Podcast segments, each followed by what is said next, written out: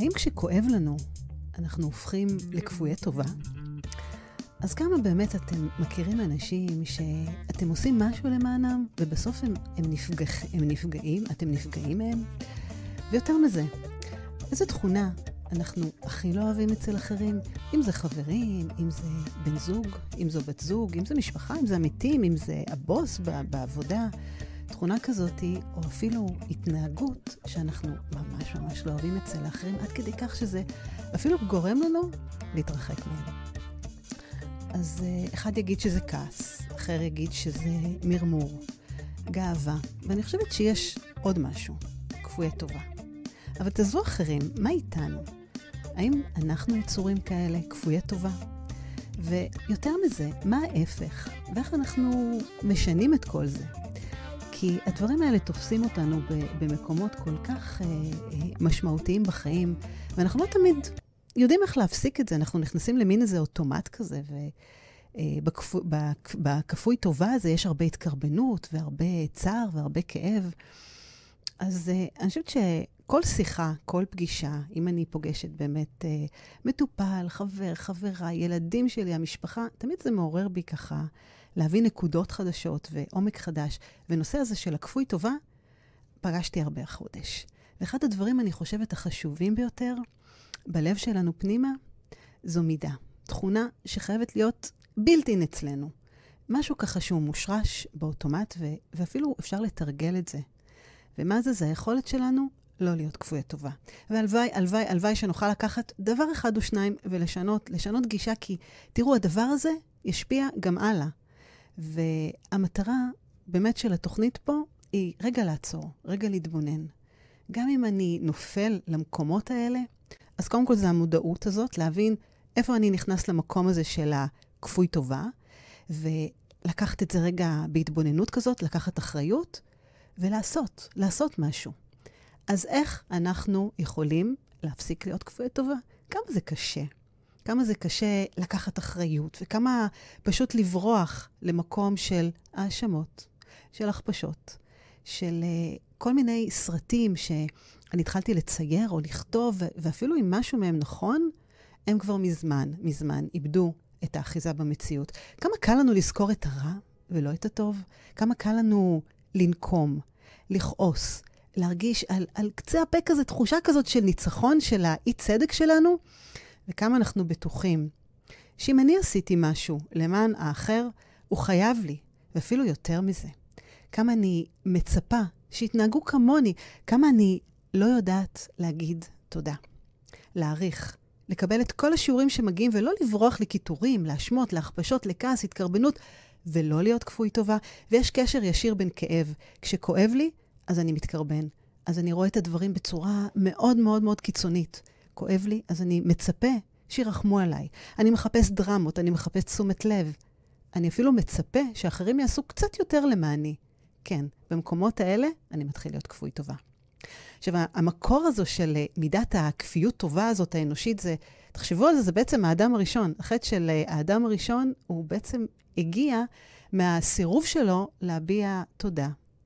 תודה על כל מה שנברא עבורו. ואילו היה האדם, האדם באמת הראשון מכיר טובה על כל הטוב הזה האינסופי, במקום לקבל את, ה, את הטוב הזה כ, כמובן מאליו, אז אני חושבת שהוא לא היה אוכל מפרי עץ הדעת. והרגש הזה של הכרת הטובה היה מונע ממנו. ותשימו לב שכאשר נשאל האדם מדוע אכל מפרי עץ הדת, ישר הכפיות טובה הזאת היא באה בצורה אוטומטית. והוא אמר, האישה אשר נתת עמדי, היא נתנה לי, היא נתנה לי בעצם מן העץ ואוכל. זאת אומרת, במילים אחרות, אני לא ביקשתי ממך לברוא לי אישה, הרעיון הוא שלך. אם היא פיתתה אותי לחטוא, אז, אז זה לא באשמתי. כמה אנחנו מעבירים אשמה, כמה אנחנו לא לוקחים אחריות, כמה אנחנו כפויי טובה.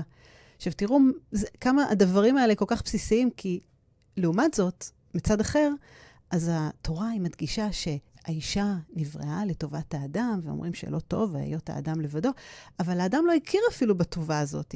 ומשם הכפיות טובה בעצם הייתה השורש של, ה, של החטא שלו. ואחר כך אנחנו רואים את זה ביציאת מצרים, כמה עם ישראל כל כך בכה, כמה הוא התלונן, כמה הוא היה כפוי טובה. ואני חושבת שאחת המידות הבסיסיות ביהדות היא הכרת הטוב. וההפך מהכרת הטוב זה הכפיות טובה. וכן, זה תופס אותנו ביום-יום, כשאנחנו מצפים ומתאכזבים. כשאנחנו עושים משהו למען מישהו אחר, נתינה, שהיא לא כזאת שלמה ונקייה, אנחנו מחכים שהוא יחזיר לנו, וכשאנחנו ברגע האמת, אנחנו רוצים משהו ממנו, פתאום זה לא עובד, ואז אנחנו מרגישים שחייבים לנו. ואני חושבת שהמידה הגרועה ביותר זה קודם כל הזנחה. הזנחה זה בעצם להשלים עם מה שיש לי, בלי לנסות לשפר. זאת אומרת, לבוא ולהגיד, כן, אני כפוי טובה. ולתת למקומות, יקבלו אותי כמו שאני. אתם מכירים את המשפט הזה? זה מי שאני, יקבלו אותי כמו שאני, עכשיו לא טוב לי וכולי. אז זה לא. זה באמת לבוא ולהרים ידיים, ולא להבין שהדברים האלה תופסים אותנו ביום-יום. המידה הטובה זה בעצם היכולת שלנו כל הזמן להשתפר. כל הזמן להיות בתנועה. כל הזמן לעשות באמת צעד כזה, ולהסתכל ולחייך ולהתבונן. ולא להיכנע, לא להיכנע לכאב, ולא להיכנע למקומות האלה שבאמת אני, אני מרים ידיים, ואני לא עושה כלום, ואני מתקרבן, ואני מרגיש ש, שאני כפוי טובה, שאני מצפה מאחרים, ואני כל רגע נופל, וכל רגע מתאכזב. אבל אני חייבת לשים פה גם כוכבית, כי אם אנחנו מתבוננים ועושים גם ברייק, זה לא אומר שאנחנו מזניחים, זה לא אומר שאנחנו עכשיו לא ממשיכים קדימה. אני מאמינה שזה חלק מההתפתחות שלנו וזה חלק מהתנועה, לבדוק ימינה, שמאלה, מה, מה קורה פה? מה נשבר? מה צריך להרכיב מחדש? זה לגבינו. אבל מה לגבי אחרים? איזה תכונה אנחנו הכי לא אוהבים אצל האחרים? וזה לא משנה מי, כל מי שתופס אותנו, כל מי שיושב איתנו, כל בן אדם שאנחנו פוגשים אותה, שמשהו כזה שאנחנו אפילו לא אוהבים אצל אחרים עד כדי כך שזה גורם לנו להתרחק ממנו. אז אחד יגיד כעס, השני יגיד מרמור, אחר יגיד גאווה. אבל תשימו לב, כמה אנחנו לא אוהבים להיות ליד אנשים כפויי טובה. כמה אנחנו יכולים לשנות גישה ולהפוך את הכפוי טובה הזה, את המגיע לי, להכרת תודה. גם אם האחר לא נתן לי את מה שרציתי, אני כפוי טובה. וגם אם הוא מתנהג ככה, זה לא אומר שאני צריך להיקלע לאותה התנהגות. אבל בואו נעשה רגע סדר. מה זה בכלל כפוי טובה?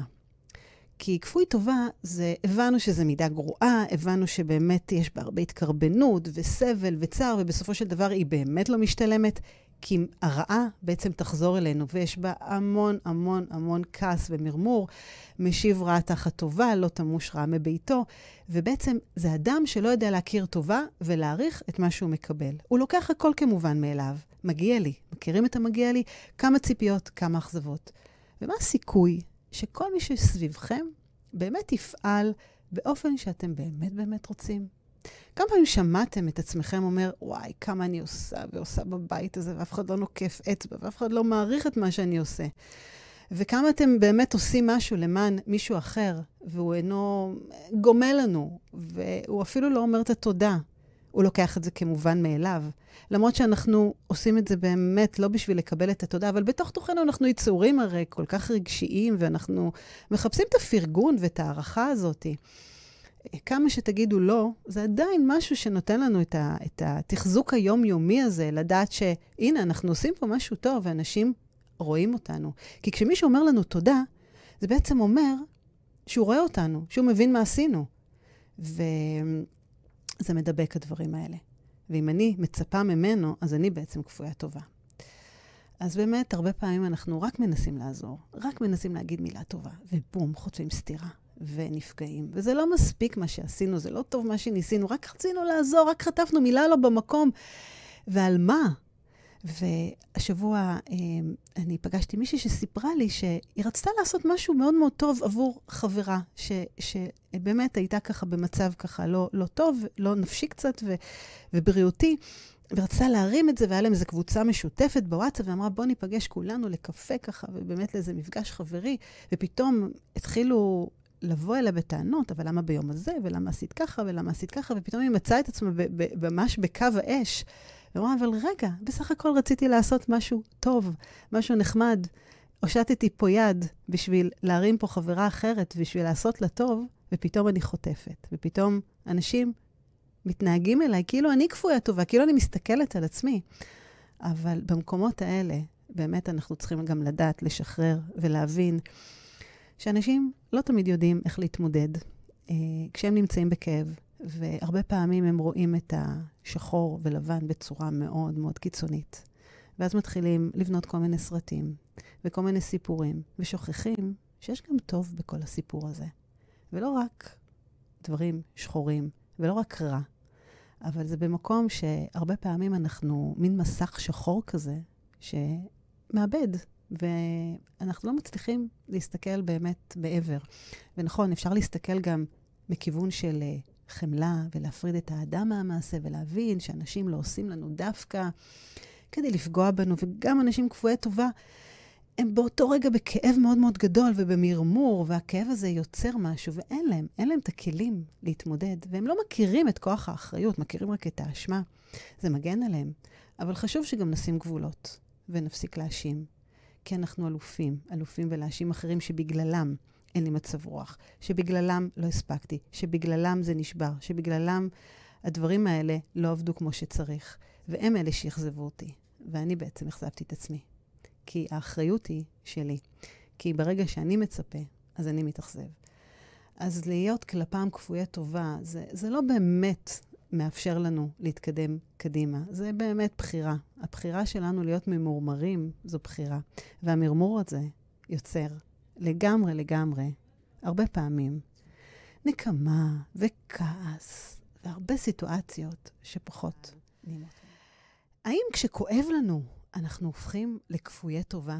אז הבנו קודם כל שכן, שיש קשר ישיר בין הכאב לבין מרמור, לבין כעס, לבין אשמה, לבין התקרבנות, לבין המקום הזה שאנחנו כל הזמן ממשיכים להתווכח עם המציאות ולשנות אותה ולא לקבל אותה, ולהבין שמה שהיה היה. וגם אם היו דברים שהם לא היו כמו שאנחנו רוצים, ואנחנו נפגענו, להפסיק להיות קורבנות של הסיטואציה. כן, לקחת אחריות רק על האיך שאתם מגיבים אליה. כי מאוד קל להיכנס למקום של הכפוי טובה, ולבוא, ולראות חיצים, ולהגיד, מגיע לי, אבל אני עשיתי ככה וככה ואני הייתי בסדר. אבל למה האחר מתנהג אליי כמו שהוא מתנהג? אז מה הופך בכלל אנשים לכפויי טובה. כי לפעמים אנחנו באמת באמת נתנהג, נפגעים מאדם קרוב, ואז בבת אחת, ברגע אחד, כאילו דילית, שוכחים את כל הטוב שהוא עשה למעננו. ואז אנחנו מתרכזים בפגיעה. ואז אנחנו אומרים, רגע, אני הייתי כל כך טוב, למה הוא עושה לי דבר כזה? למה אני, למה זה מגיע לי? ופה יש גם מידה מסוימת של כפיות טובה, כי אנחנו רק מתרכזים במה רע, במה לא טוב. ומשם הדרך כל כך כל כך פשוטה להאשמות, להכפשות, להכללות, להרגשה כזאת שזה לא מגיע לי. יש פה הרבה הרבה אכזבה שיותר מזה, היא עלולה להקטין, היא, להג... היא עלולה גם להגיע לכל מיני מקומות של כפוי טובה. עכשיו, עשיתם בשביל מישהו אחר המון, כן, טרחתם, יצאתם מגדרכם כדי שיהיה לו טוב, וזה יכול להיות משהו נקודתי, וזה יכול להיות גם עניין של שנים, שאנחנו עושים למען האחר, ופתאום אנחנו מגלים שהוא לא מחזיר לנו טובה, כטובה, אלא עשה משהו אחר, ואז שוכחים את כל הדברים. אז תשימו לב כמה פעמים אנחנו לא יודעים להכיר את הטוב, להסתכל גם על הדברים הטובים. ובמקומות האלה, אנחנו מקבלים את הסתירות האלה. אז גם אם פגעו בכם ואנחנו תוקפים בחזרה, גם אם הוא נכנס לקטגוריה של הכפוי טובה, אז גם אני נשאבת לשם. ואז בעצם כל אחד מאיתנו נפגש במהלך החיים שלו עם התנהגות כזאת של כפיות טובה מצד בני משפחה, מצד חברים, מעסיקים, מועסקים, אפילו אנשים זרים. אני חושבת שזו אחת ההתנהגויות האנושיות הפוגעניות ביותר, כי זה מותיר בנו כל כך הרבה כאב, וכל כך הרבה תסכול, וכל כך הרבה מרמור, ויותר מזה, זה מוביל אותנו לנקמה. עכשיו, דוגמאות לא חסר. אני חושבת שבמיוחד סביב הילדים שלנו וסביב הבני זוג שלנו, כמה אנחנו עושים. אנחנו רצים סביבם, אנחנו מוותרים על עצמנו כדי ש... הם יהיו מאושרים, כדי שלהם יהיה טוב, ואנחנו אפילו תודה לא מקבלים. אבל אם בכלל אנחנו צריכים לקבל את התודה הזאת, כי הרבה פעמים ככה, יש איזו מחשבה שאם אני עושה משהו למען האחר, ואני עושה את זה בנתינה כל כך נקייה, ויש הרי שבע דרגות או שמונה דרגות של הנתינה לפי הרמב"ם, אבל אני אומרת, הדרגה הכי הכי גבוהה זה שאני עושה משהו בלי לקבל את התמורה, בלי לקבל את התודה הזאת. אבל אני שמה פה סוגריים, כי אנחנו בני אדם, ואנחנו יצורים אנושיים, ואנחנו צריכים את ההכרת תודה הזאת. כי באמת, כמו שאמרתי, כשאתם אומרים תודה למישהו, זה אומר שאתם רואים אותו. הייתה אצלי מישהי השבוע שסיפרה שבעלה כל כך כל כך אוהב אותה ומפנק אותה, והיא לא מחזירה לו אהבה באותה מידה. אז מה זה אומר? היא כפויה טובה? אז כמה אנחנו רוצים להעניש אחרים שפגעו בנו, ואנחנו בעצם שוכחים את כל הטוב שהם uh, עשו למעננו? כמה אנחנו נגררים למצבים כאלה קיצוניים של כפיות טובה? אז בואו רגע נכיר אותם. מה זה ה... מי הם הטיפוסים האלה של הכפוי הטובה? מעבר לזה שהבנו שברגע שיש לנו כאב מסוים, אז הכפוי טובה מגיע. אז אנחנו מרגישים שבאמת אה, מגיע לי. אה, אנחנו כרגע בסבל, אנחנו צריכים שיעטפו אותנו, שידברו איתנו. יש פה המון המון תשומת לב, תשימו לב כמה, כמה תשומת לב הדבר הזה אה, שואב. אבל יש גם טיפוסים שזה משהו שהוא נבנה, זה משהו שהוא כבר באופי. זה אנשים שהרבה פעמים גדלו בסביבה מפנקת מדי, שאולי נתנה אה, ותמכה בדברים כמובן מאליו. הם נולדו עם כפית של זהב בפה, מעולם הם לא עמדו על הצורך הזה לקבל תמורה או תודה. ויש גם טיפוסים ככה מאוד מפונקים, ולפעמים ילדים יחידים להורים, הם הופכים להיות שואבי אנרגיה, הם לוקחים והם לא נותנים, והם אף פעם לא חשים את הצורך הזה להודות, כי ברור, מה, רק אני פה, זה בשבילי. וכמה אתם עשיתם בשבילם? כמה התאמצתם? למה להודות? זה מובן מאליו. ותשימו לב כמה זה פוגש אותנו בעסק שלנו, בעבודה שלנו, שאנחנו עושים כביכול טובה למישהו אחר, אבל ברגע האמת שאנחנו צריכים את העזרה שלו, פתאום הוא נעלם. פתאום הוא לא מוקיר לנו את התודעה הזאת, הוא בכלל לא זוכר שעשינו משהו למענו. אפילו זה יכול להיות ברמת הנחה, ברמת זמן שאנחנו מקדישים, ברמת uh, מחווה, מתנה, ב- ב- ברמה שאני עוזרת לו להגשים איזה פרויקט, איזה חלום, כל דבר כזה. ולגבי אנשים בדפוס ההתנהגות, זה הרבה פעמים אנשים שגדלו בבית שהמילה תודה היא בעצם הייתה מחוץ לתחום. גם על מעשים טריוויאליים. גם אם המילה תודה הזאת היא לא נכללת בלקסיקון המשפחתי, זה מחלחל. זה מחלחל לכל כך הרבה התנהגויות ולכל כך הרבה הקשרים. והכפיות טובה הזאת היא מגיעה שהרבה פעמים אנחנו מחנכים לאם תעשה, נגיד סתם, אם תעשה שיעורים, תקבל גלידה. אם תעזור בבית, תקבל משהו אחר. הרבה התניות. וחוץ מזה, יש הרבה פעמים את אנשי הדרמה. אנשי הדרמה האלה של המגיע לי, אכלו לי, שתו לי, והרבה הרבה התקרבנות. וזה משהו שבאמת תופס אותנו, ל...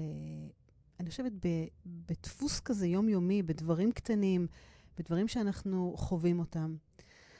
אז למה בכלל זה חשוב לא להיות כפוי טובה? כי תראו, כשאנחנו כפוי טובה, אנחנו הרבה פעמים למטה.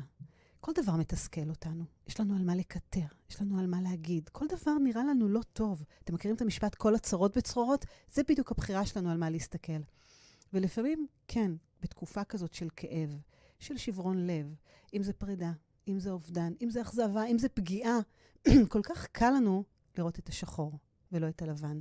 וכן, להישאב כזה למקום הקורבני שבו אני מסכן, וכולם חייבים לי. וכן, היא פגעה בי, הוא פגע בי, הוא עשה משהו שלא יעלה על הדעת. אני מסכן, אני לא בסדר, והדרך היחידה שלי להתמודד עם זה, זה לתקוף בחזרה. ויותר מזה לתקוף בחזרה, אפילו לחפש איזה אדם שפגע בנו ולהפוך אותו למין איזה שק אגרוף, שק חבטות, לכל התסכול הזה שיש לנו, וכמה רעל יוצא מהדבר הזה. איך אנחנו פתאום הופכים לאנשים כל כך מרירים, ואנחנו שוכחים להוקיר את הטוב. אנחנו שוכחים שגם היו דברים טובים סך הכל, ולא הכל שחור, שחור ולבן. עכשיו, תקשיבו, זה, זה מקום מאוד מאוד עדין, זה גבול של זהירות, באמת, זה מקום מסוכן, זה מדרון תלול, כי ברגע שאנחנו נשב למקום הזה של הכפוי טובה, אנחנו נעטוף אותם בסרטים וסיפורים שהרבה פעמים יטשטשו, יטשטשו ככה את הדמיון בין uh, מה שאמיתי, את הגבול בין הדמיון למציאות. אני זוכרת שלפני כמה שנים שאימא שלי, זיכרונה לברכה, היא נאבקה במחלת הסרטן, אז היו ככה ימים מאוד מאוד שחורים, ואני זוכרת שנסענו לבית חולים הדסה לקבל איזה טיפול ניסיוני במחלת הסרטן. וכמה לא ידעתי להכיר תודה באותו רגע על זה שיש באמת הזדמנות פה לקבל טיפול ניסיוני. ואני ראיתי רק את השחור ורק את הקושי ורק את הכאב. ואני זוכרת שבמהלך הנסיעה דודה שלי המדהימה, ולא אשכח לה את זה אף פעם, היא אמרה לי, אחרי ששחררתי קיטור, אה, היא אמרה לי, את יודעת, תסתכלי רגע החוצה, מה את רואה שם? ואני ישר אומרת לה, אני רואה רק שחור ושמיים שחורים, ואת כל הצבעים הכהים והפחות נעימים. ואז היא אומרת לי, תעצמי עיניים, תפתחי אותם שוב פעם. תגידי לי בדיוק כמה צבעים את רואה. וזה מאמץ, כי באותו רגע הכל נמצא שם, זה רק פשוט להחליף משקפיים ולראות את הצבעים הנוספים. וזה לשנות גישה, ולדעת שיש מציאות מסוימת, אבל גם בתוך כל הרע הזה, כמה אנחנו לא נכון לנו להיגרר לכפויות, לכפיות טובה הזאת, ולהסתכל על הטוב ולחפש פה דברים טובים. עם כל משבר הרי צומחים, עם כל משבר יש לנו שיעור, ומאוד מאוד קל לבוא ולבחור בהאשמה, בנקמה, במרמור, במגיע לי, אני עשיתי והוא לא מחזיר לי, לעומת להסתכל על הצד השני ולהגיד, רגע, מה השיעור שאני לומד פה? האם אני יכול לשנות את המציאות? מה זה יעזור לי אם אני עכשיו אתקיף בחזרה? האם אני אקבל משהו בתמורה? זה גישה, זה התבוננות, ולא תמיד ברגע האמת אנחנו מצליחים ככה לעמוד על רגליים עם גב זקוף ולהסתכל ולהגיד, כן, יש פה גם דברים טובים. לא רק רע. אני לא אהיה לא כפוי טובה. אני לא אראה רק את השחור. אז תתאמצו להדוף, תחפשו את הטוב, את השיעור הזה שהוא בא ללמד אתכם. אם זה שיעור באיפוק, אם זה שיעור בחמלה, אם זה שיעור בסליחה, אם זה שיעור בהצבת גבולות. אל תיכנסו לאותה רשת מסועפת שהאחר נמצא בה. פחות להתחשבן, פחות להצטדק, כי זה לא יעזור. וכן, זה לא פשוט לחטוף או להדוף. ולפעמים לוקח זמן להירגע. זה כמו, זה כמו צירים, מי שיודעת, זה כואב, זה יכאב, אבל, אבל בחוף, בסוף זה ישתחרר וזה עובר. שלמה המלך תמיד, או, או שלמה המלך אמר, כעץ שתול על פלגי מים, תישארו שם בכאב הזה, כן. למה? כי הוא יעבור, הוא יחלוף. אתם בעצם העץ והפלגי מים זה הרגשות שכל פעם נשטפים ועוברים, הם לא נשארים לעד. אל תישאבו למקום הזה של הכפויי טובה. תציבו את הגבולות. וגם אם אתם תואמים ממנו, תשימו לב מה המחיר שאתם משלמים. הנקמה הזאת היא רק מרמור, היא רק מורידה אותנו למטה. והכאב הזה רק הולך וגדל, והוא מתפשט. הוא משפיע על כל כך הרבה דברים אחרים, הוא כל כך לא נקודתי. ואם אנחנו נבחר בגישה השנייה, בלראות את הטוב, תראו כמה הדברים האלה מדבקים. אז תזכרו שהכפויי טובה זה, זה גאוותן, זה זה שמתבייש להודות, כי הוא צריך טובה מאדם אחר, אה, כי הוא חכם. כל הכופר בטובתו של חברו, לבסוף כופר בטובתו של המקום. אז שימו לב לעניין הזה. רק במודעות שלנו, אם אנחנו בוחרים להיכנס לשם, לצלול למים האלה, או להתבונן ולהגיד, רגע, מה זה ייתן לי? האם זה ייתן לי תחושה הרבה יותר נוחה שאני נלחם באי צדק שמגיע לי? כי אולי לטווח קצר כן, אבל לטווח ארוך זה ממש לא בריא. זה רק הורס אותנו. אז האם אפשר בכלל להתגבר על הכפוי טובה, על התכונה הזאת? אז כן. והדרך להתגבר על, על, הכפויה, על הכפוי טובה זה למעשה להכיר תודה.